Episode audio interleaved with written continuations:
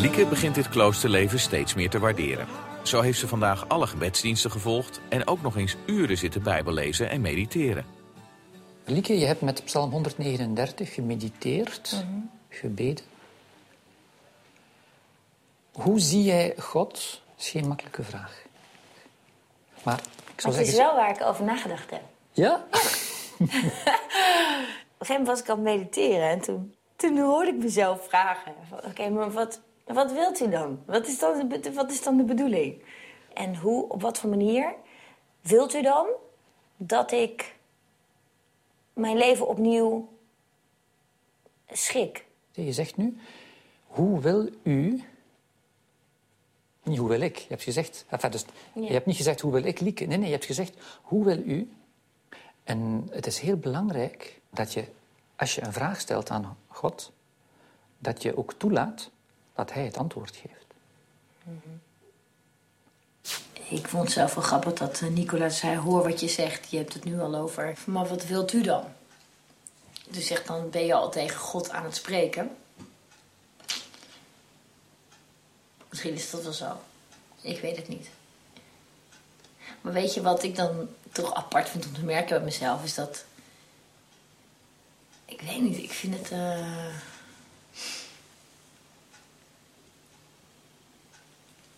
Misschien ook gewoon niet cool om te zeggen: Ik geloof in God. Ik weet niet wat dat is. De zoektocht naar God lijkt voor Lieke steeds intenser te worden. Ze trekt volledig haar eigen plan en ging gisteravond dan ook heerlijk in haar eentje mediteren bij het kampvuur. En het lijkt erop dat het voor Lieke een heel bijzondere avond is geworden.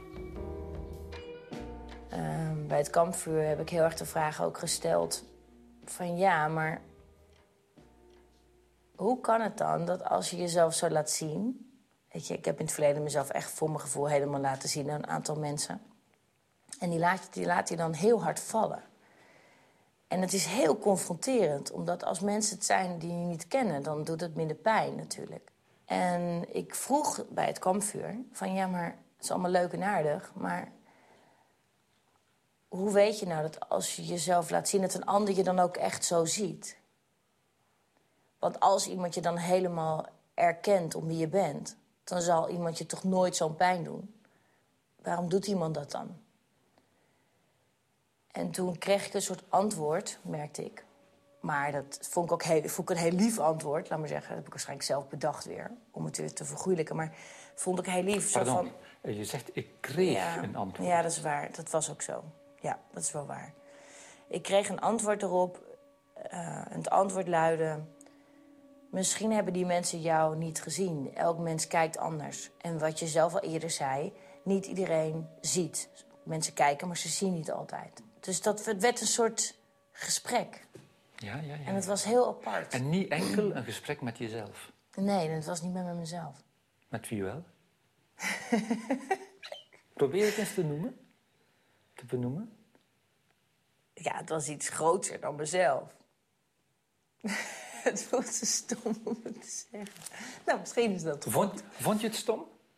Nee, ik vond het helemaal niet stom. Maar Was het echt? Was het echt? Het was hartstikke echt. Ja. Stom, hè, dat ik het nu zo stom... ik wilde gewoon niet aan of zo, denk ik. Maar het is wel waar. Je Ik- bent verwonderd. Ja, ja, omdat ik gewoon mezelf dat nu hoor zeggen. Dan denk ik, Ik zou je willen uitnodigen om te durven te vertrouwen, te geloven dat dit mogelijk is en dat dit echt is. Want dit zijn heel bijzondere geschenken.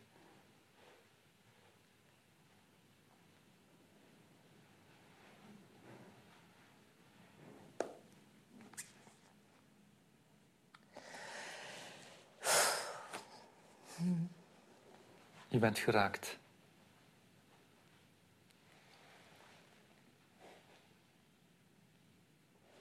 ja.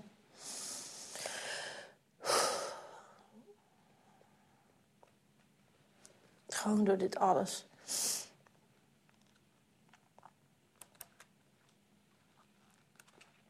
Ook door uw woorden. Iedereen is gewoon heel lief. En... En wil je nu zeggen dat hier de mensen hier rond uh, gewoon lief zijn voor jou en dat je dat leuk vindt? Of zeg je dat er iets meer gebeurt? Ja, dat is wel wat ik bedoel. Het gaat veel verder dan dat. Het is gewoon uh, heel mooi te werken aan iets wat me zo lang zoveel pijn gedaan heeft ook. Gisteren had ik daar gewoon heel erg veel uh, gesprekken over. Met, dat, met iets wat... Ik was het niet zelf. Mm -hmm. Lieke, jouw beurt? Zoveel vragen heb ik in mijn hoofd gehad de afgelopen week. Een reis die voor mijn gevoel nu pas begonnen is. De hoge muren rond het klooster hebben de mijnen doen afbrokkelen. Ben teruggebracht naar de kern van mijn zijn. De liefde voor mezelf mogen ervaren, mogen voelen. En dit is het grootste goed. Altijd bang voor eenzaamheid, maar na deze week niet meer. Voel me gezegend, want heb op deze prachtige plek vol regels, maar grootse vrijheid, iets groter dan mezelf of eigen gedachten gehad. Ontkennen heeft voor mij geen zin. Ik wil dit namelijk graag bij me blijven dragen en koesteren. Lieve God, u heeft me verrast, me laten zien wat zo ontzettend belangrijk voor mij was. Mezelf in de meest pure vorm. Dankbaar ben ik.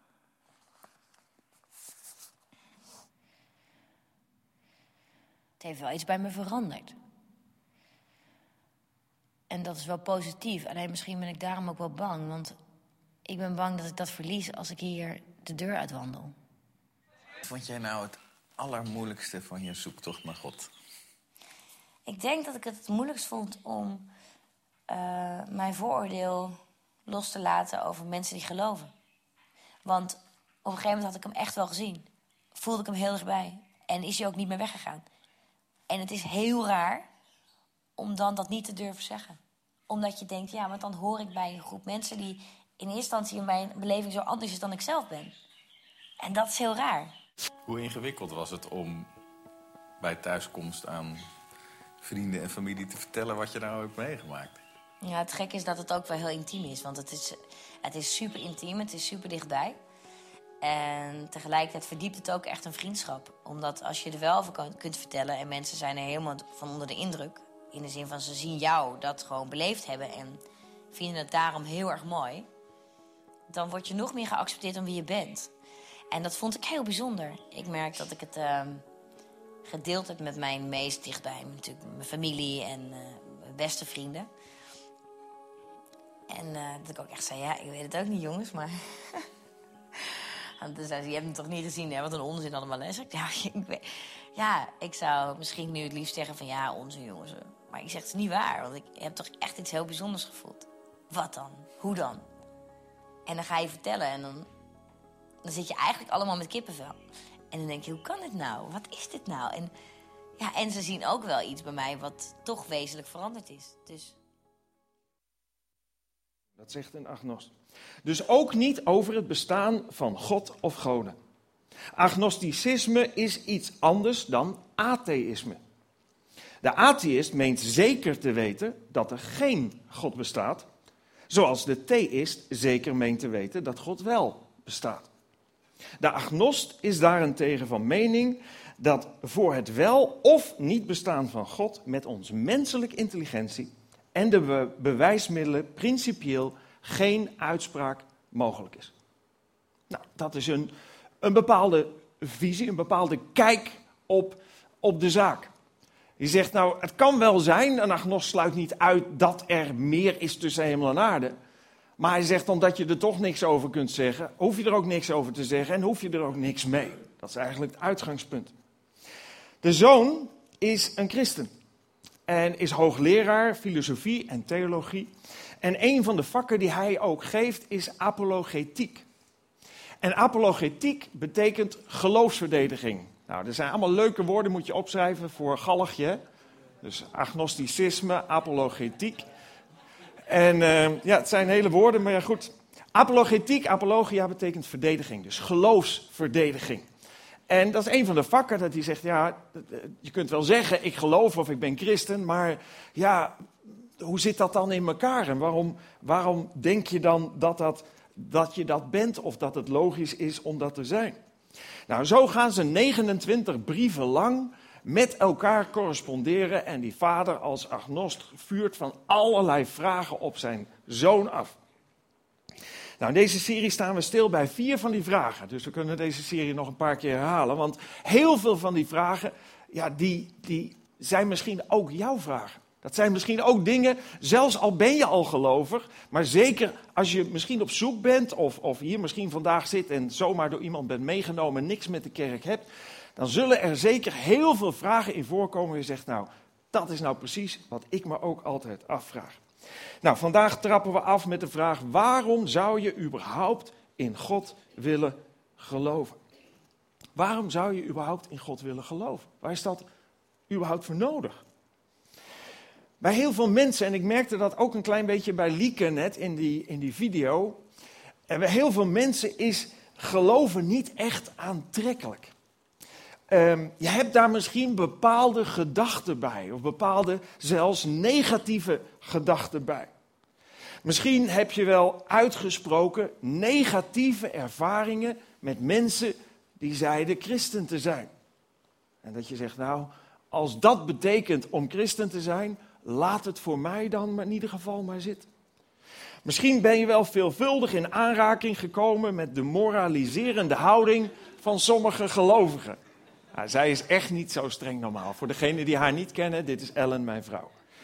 Ja. Maar dat is. Maar wie zei lelijke foto? Zei het? Ah, lelijke foto. Ah. Ik zal het doorgeven. Um,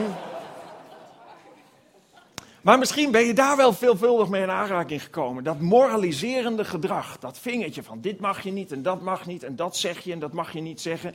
En dat je denkt van, nou daar hoef ik helemaal niks mee. Of misschien is jouw associatie met uh, in God geloven wel zoiets van, nou dat betekent dan zoiets als ik moet vrijwillig, armoede hebben of zo. Of ik moet alles direct weggeven wat ik heb. Of, of ik mag niks meer en kan niks meer en ik moet een heleboel dingen. Nou, als dat associatie is, is het ook niet zo aantrekkelijk.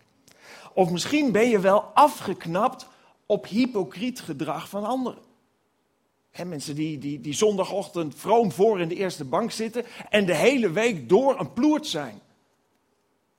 En waarvan je zegt, nou sorry, maar wat is dat? Of misschien vind je het een zwaktebod. Het idee al. Misschien zeg je, ik ben, ik ben niet voldoende een kneus om te hoeven of te willen geloven.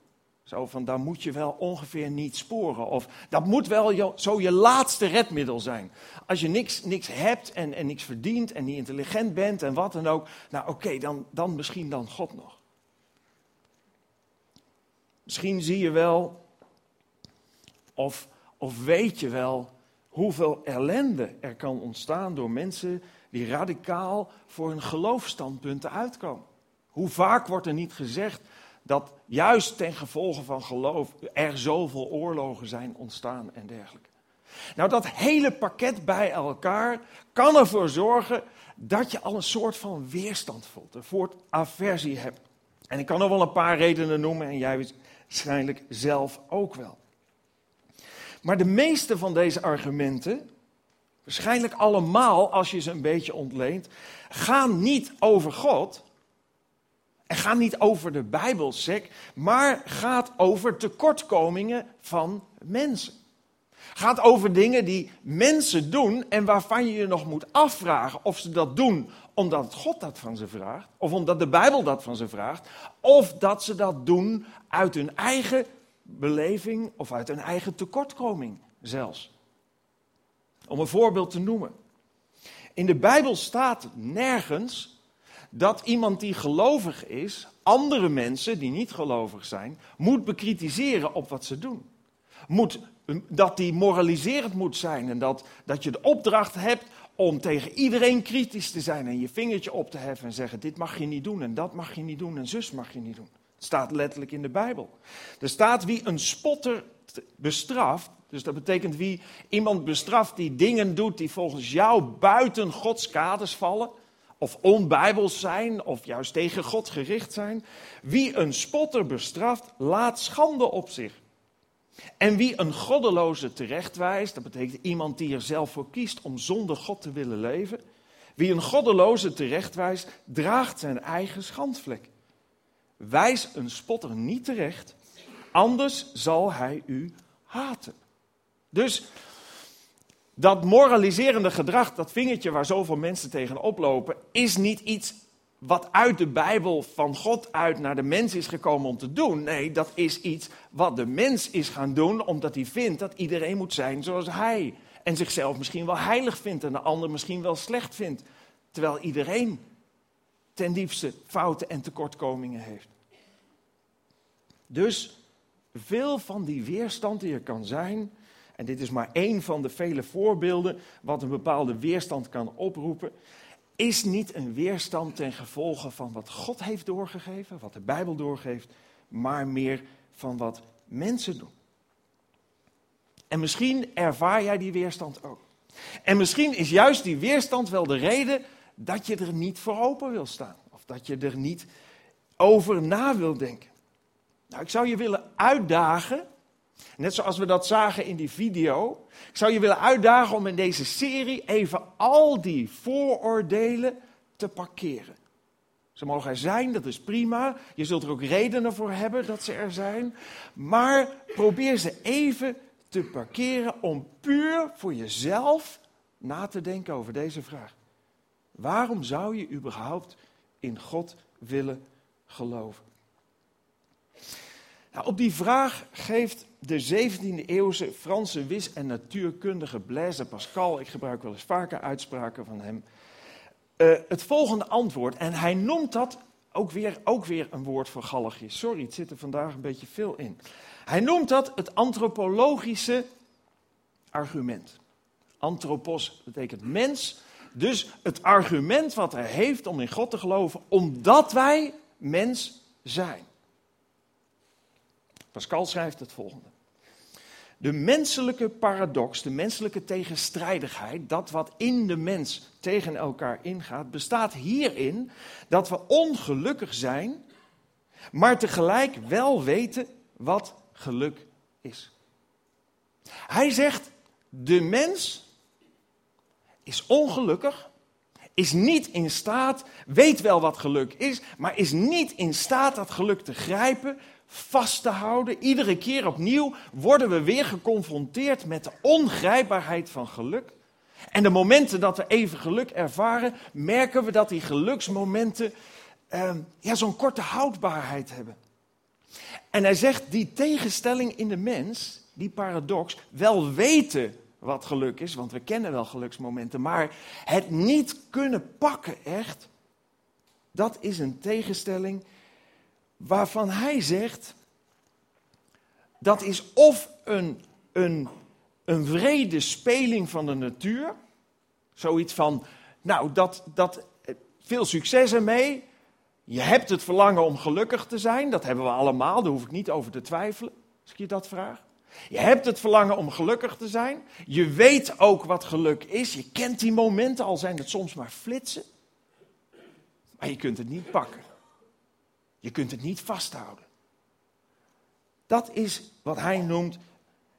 Hij zegt, dan is de mens of een vrede speling van de natuur, of er moet een weg zijn om dat geluk te vinden. Want op alle andere terreinen van de menselijke behoeften is wel een bevredigend antwoord te vinden op de verlangens. Een voorbeeld te geven. De mens heeft dorst en gelukkig, er is water. Dat is een behoefte. Dorst kennen we, we weten ook hoe het is om onze dorst te lessen. We hebben dorst, er is water. De mens heeft honger en gelukkig, er is eten. De mens wordt moe en gelukkig, je kunt slapen. Ja, dit is wel een lief kindje. Die slaapt s'nachts door. En de mens heeft seksuele lusten en gelukkig, er is seksualiteit. Ja, je was benieuwd naar deze foto. Ik zag het. Ja, ik zag het, ja. ja. Maar hoe anders is het met geluk? Hoe anders is het met het geluk? De mens heeft behoefte aan geluk, de mens heeft behoefte aan vrede, de mens heeft behoefte aan zingeving, aan hoop, aan onvoorwaardelijke liefde, aan rust en juist hiervoor vinden we niet maar zo een bevredigend antwoord. Het verlangen is er, maar het antwoord is niet maar zo voorhanden. Raar toch dat de kosmos een antwoord heeft voor zoveel basale behoeften, zou je kunnen zeggen, van de mens, maar dat de meest fundamentele verlangens onbevredigd blijven. Als je mij vraagt, waarom zou je überhaupt in een God willen geloven? Dan zou ik zeggen, en dat zeg ik uit eigen ervaring, omdat alleen God je kan geven waar je zonder Hem je hele leven naar op zoek blijft. Er is wel een antwoord, maar het antwoord ligt niet voor het oprapen. God is de ontbrekende factor in de zoektocht van ieder mens, want ieder mens is op zoek, op zoek naar geluk. En dat is niet alleen omdat de Bijbel het zegt, het is iets uit mijn eigen leven wat ik ervaren heb. Geen theorie, maar realiteit. Ik heb een groot deel van mijn leven zonder God geleefd. Meer dan voldoende gehad. Misschien wel meer dan voldoende gehad waarvan we zeggen, nou dan moet je toch wel gelukkig zijn. Een goed huwelijk en gezonde kinderen en meer dan voldoende geld en, en, en alle spullen die je nodig hebt. En we zeggen wel geld en dat soort dingen maakt het niet gelukkig. Maar ook het gezin en ook de gezondheid was eigenlijk reden om gelukkig te zijn. En ik heb lang genoeg in mijn leven geprobeerd gelukkig te worden zonder God. Maar het lukte mij ten diepste niet. En het lukt jou ook niet. Daar ben ik zeker van. Zonder mij, zonder dat ik er heel bewust van was, was ik toch ten diepste niet echt gelukkig. Althans, ik merkte dat die momenten van geluk er wel waren, die flarden, maar niet die doorgaande lijn, dat fundament van geluk. En ik realiseerde me dat pas heel echt, net zo ik hoorde dat Lieke net zeggen, en ik herkende dat. Die voice-over stem die je net hoorde van dat programma, die was ook een keer met mij onderweg. Toen waren we in Turkije, die werkt bij de EO. En ehm, daar werd ik geconfronteerd met iets wat ik hier herkende. Namelijk iets in mensen wat ik zag. Ik was daar toen als technicus mee om een televisieprogramma op te nemen. Iets wat ik in die mensen zag, een groep van twaalf jongeren en cameramensen, groep christenen bij elkaar, waar ik jaloers op werd. Iets waarvan ik zeker wist dat ik het niet had, maar waar ik wel ontzettend naar verlangde. Die zekerheid die ze hadden, die rust die ze hadden. Die hoop die ze hadden, die veel verder ging dan het leven hier en nu, die zelfs ging over de grens van de dood heen. Het was iets waar ik jaloers op werd. En de, de wereld, en zo ging ik dat zien, en de mensheid is volkomen onlogisch en vreed als God niet bestaat. Want dan zijn de meest fundamentele verlangens die we hebben onbevredigbaar. Want zonder God slagen we er niet in een antwoord te vinden op die verlangens. Blaise Pascal verwoordt heel mooi waarom hij bij het christelijk geloof het antwoord vond. Hij zegt dit: Het christelijk geloof is het enige geloof dat zowel de menselijke reden als het menselijk gevoel echt bevredigt. Het geeft een plausibele verklaring van het menselijk leven en bovendien beantwoordt het aan de diepste impulsen van de mens. Dus hij zegt, het geeft een antwoord op onze reden, op de, op de vragen die we hebben met, ons, met onze hersenen kunnen stellen, op wat we denken. En de Bijbel zegt, we hoeven alleen maar om ons heen te kijken en ons daarin te verdiepen. En we kunnen niet ontkennen dat deze wereld een schepper heeft. We kunnen wel iets verzinnen om God buiten te sluiten. We kunnen een theorie bedenken, en welke theorie dat dan ook is, dat maakt niet uit. Waardoor we denken, nou stel je voor, er was niks en dat is ontploft en daar is alles uit ontstaan. Van chaos naar orde. Terwijl alles wat we in ons leven zien van orde naar chaos gaat, denken heel veel mensen dat het andersom is. Tuurlijk, je kunt een theorie bedenken. Je kunt altijd buiten God naar een oplossing zoeken. Maar wil je een bevrediging van je verstand en je gevoel, dan vind je dat in de verklaring die God geeft in zijn woord, maar nog meer in de relatie die met God mogelijk is geworden door Jezus Christus. De agnost zegt, je kunt het nooit zeker weten dat God bestaat. Ik zeg, ik weet zeker dat God bestaat. Maar kan je die zekerheid niet geven? Ik kan het niet aan je overdragen, omdat je die zekerheid alleen kunt krijgen als je gelooft. Als je op God wil vertrouwen. Als je de mogelijkheid in je leven wil toelaten dat God bestaat en de schepper is van hemel en aarde. Dat hij van je houdt en dat hij je zo graag wil geven waar je ten diepste naar verlangt. In de Bijbel lezen we ook over die zekerheid. Daar staat, wat is geloof? Het is de absolute zekerheid van onze hoop, dat onze hoop ook werkelijkheid wordt. En het is bewijs van dingen die we niet kunnen zien. Daar moet je eens mee bij een rechter aankomen. Het bewijs van dingen die je niet kunt zien. Dit geeft al aan, het is een absolute zekerheid en het is een bewijs, maar het is een zekerheid van een hoop die we hebben en een bewijs van iets wat we niet kunnen zien. Wat deze schrijver bedoelt te zeggen is, het is iets wat niet te bewijzen is van om je heen door een proefje te doen, door, door een test te doen, zoals we dat in de wetenschap doen. Nee, het is iets wat alleen God aan je kan bewijzen. En dat kan God alleen bewijzen als je daarvoor wilt openstaan. En de vraag is eigenlijk, ben je bereid ben je bereid de mogelijkheid toe te laten dat God bestaat, dat hij de schepper is, dat hij van je houdt en dat hij het verlangen heeft om jou zijn liefde bekend te maken? Ben je bereid om je hart voor hem te openen? De profeet Jezaja heeft een dringend advies die zegt: zoek naar de Heere zolang hij zich nog laat vinden. Roep tot hem nu hij nog dichtbij is. Ten eerste zegt de Bijbel: wie zoekt zal hem vinden. Dat is een belofte. Wie zoekt, zal hem vinden. Maar ten tweede zegt Jezaja hier, zoek zolang je hem nog kunt vinden. We weten niet of we hier morgen nog zijn. Geen idee. Stel niet uit tot morgen wat je vandaag kunt doen. Zoek, onderzoek of God is wie hij zegt dat hij is. Tot slot, je zou kunnen zeggen, ja, maar waarom is het allemaal zo ingewikkeld? Waarom zit dat allemaal zo ingewikkeld in elkaar? Want als je dorst hebt, is er drinken. Als je honger hebt, is er eten. Als je moe bent, kun je slapen. Als God dan de bron is van liefde en vrede en hoop, en dat is zo, waarom is dat dan niet gewoon beschikbaar voor handen, net zoals eten en drinken en slapen? Nou, dat is omdat God je zijn liefde alleen kan geven als je voor hem kiest. Als je wil accepteren dat hij God is.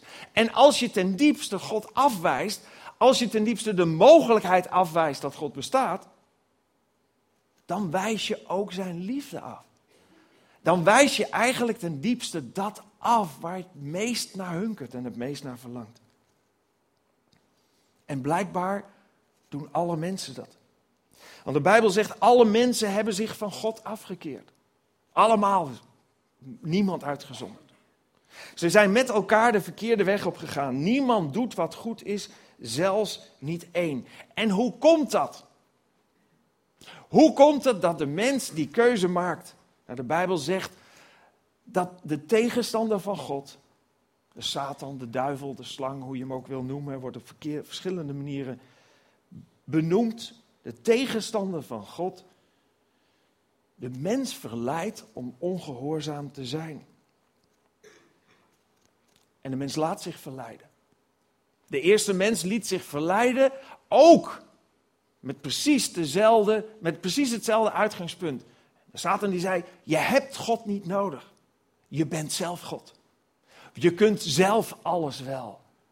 God is alleen maar een beperking voor je. God is niet een aanvulling. God is, is zijn, dat zijn regels.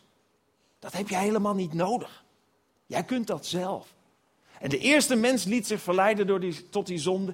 En wij allemaal hebben ons laten verleiden door God de rug toe te keren. En wat het gevolg is, is een breuk. En het gevolg van die breuk is dat we zoekers zijn. Dat we op zoek zijn naar geluk. Want als die verbondenheid met God verbroken is, ben je niet langer aangesloten op die bron van liefde en leven. En er ontstaat een kloof. Vroeger leefde de mens in volstrekte harmonie met God. Verbonden door zijn geest.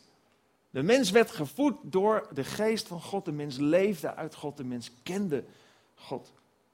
Maar toen de verleiding kwam, toen het kwaad de mens verleidde om het verkeerde te doen, toen werd de relatie door de zonde, zo zegt de Bijbel, de relatie tussen God en de mens verbroken. En door de zonde, ten gevolge van de zonde, ten gevolge van het feit dat wij ons eigenlijk afkeerden van God, ontstond er een onoverbrugbare kloof. Dat is voor ieder mens een uitzichtloze situatie. Want je bent dan afgesneden van hetgene waar je het meest intens en diep naar verlangt. Eigenlijk ook afgesneden van, van zicht op leven wat zelfs over de grens van de dood gaat. En wat pas zal zijn zoals God het heeft bedoeld, het leven na de dood.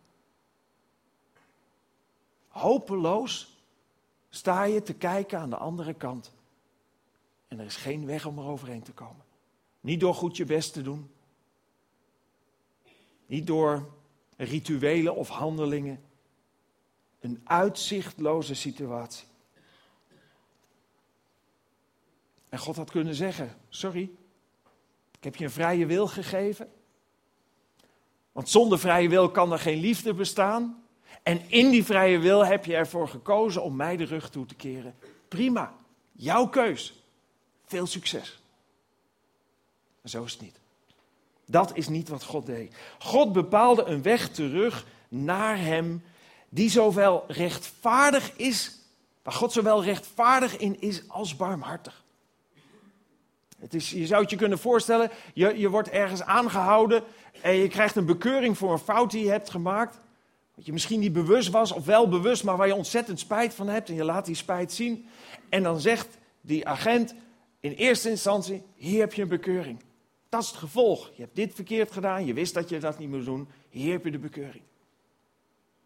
Maar de volgende, dat is, dat is rechtvaardigheid. Een rechter die geen recht zou spreken, zouden we niet rechtvaardig vinden. Maar wanneer een rechter ervoor zou kiezen om ten gevolge van jouw spijt en jouw berouw, als hij zou voor kiezen om de opgelegde straf door hemzelf ook zelf te betalen, oftewel de boete zelf te voldoen, dan zie je barmhartigheid. En dat is precies wat je in God samen ziet komen. Rechtvaardigheid, hoe werd er rechtvaardig gehandeld? De Zoon van God, Jezus Christus, stierf en betaalde de prijs van onze zonde. En hoe zie je barmhartigheid?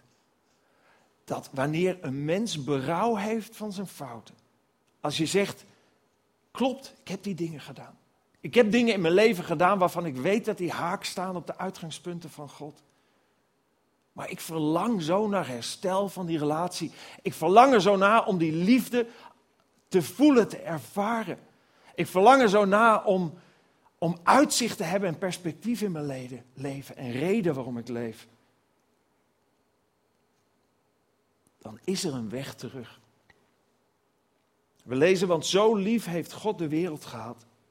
Dat hij zijn enige geboren zoon gegeven heeft, opdat ieder die in hem gelooft niet verloren gaat, maar eeuwig leven heeft.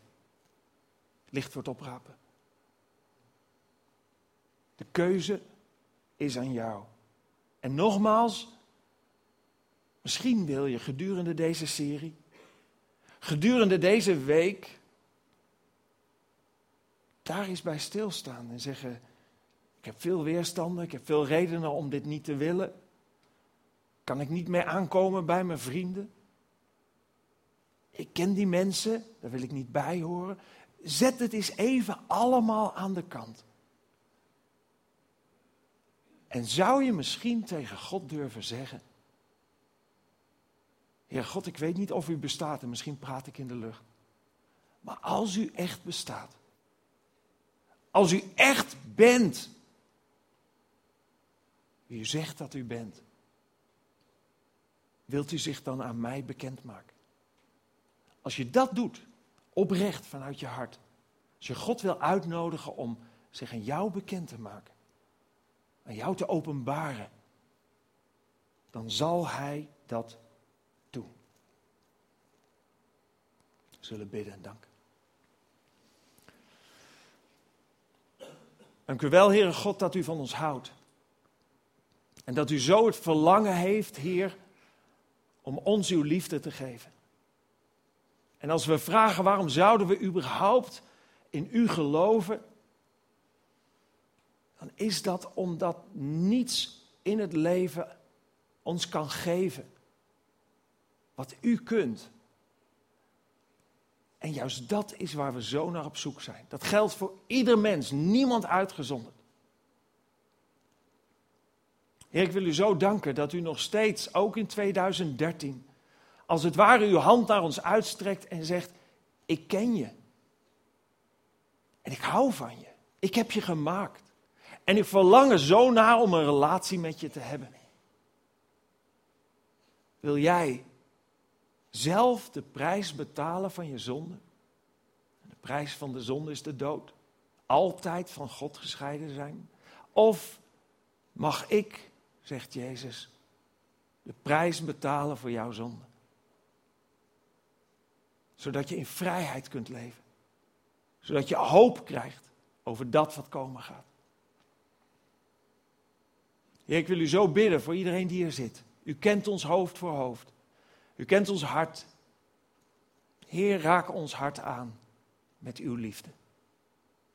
Dat bid ik zo in Jezus' naam. Amen.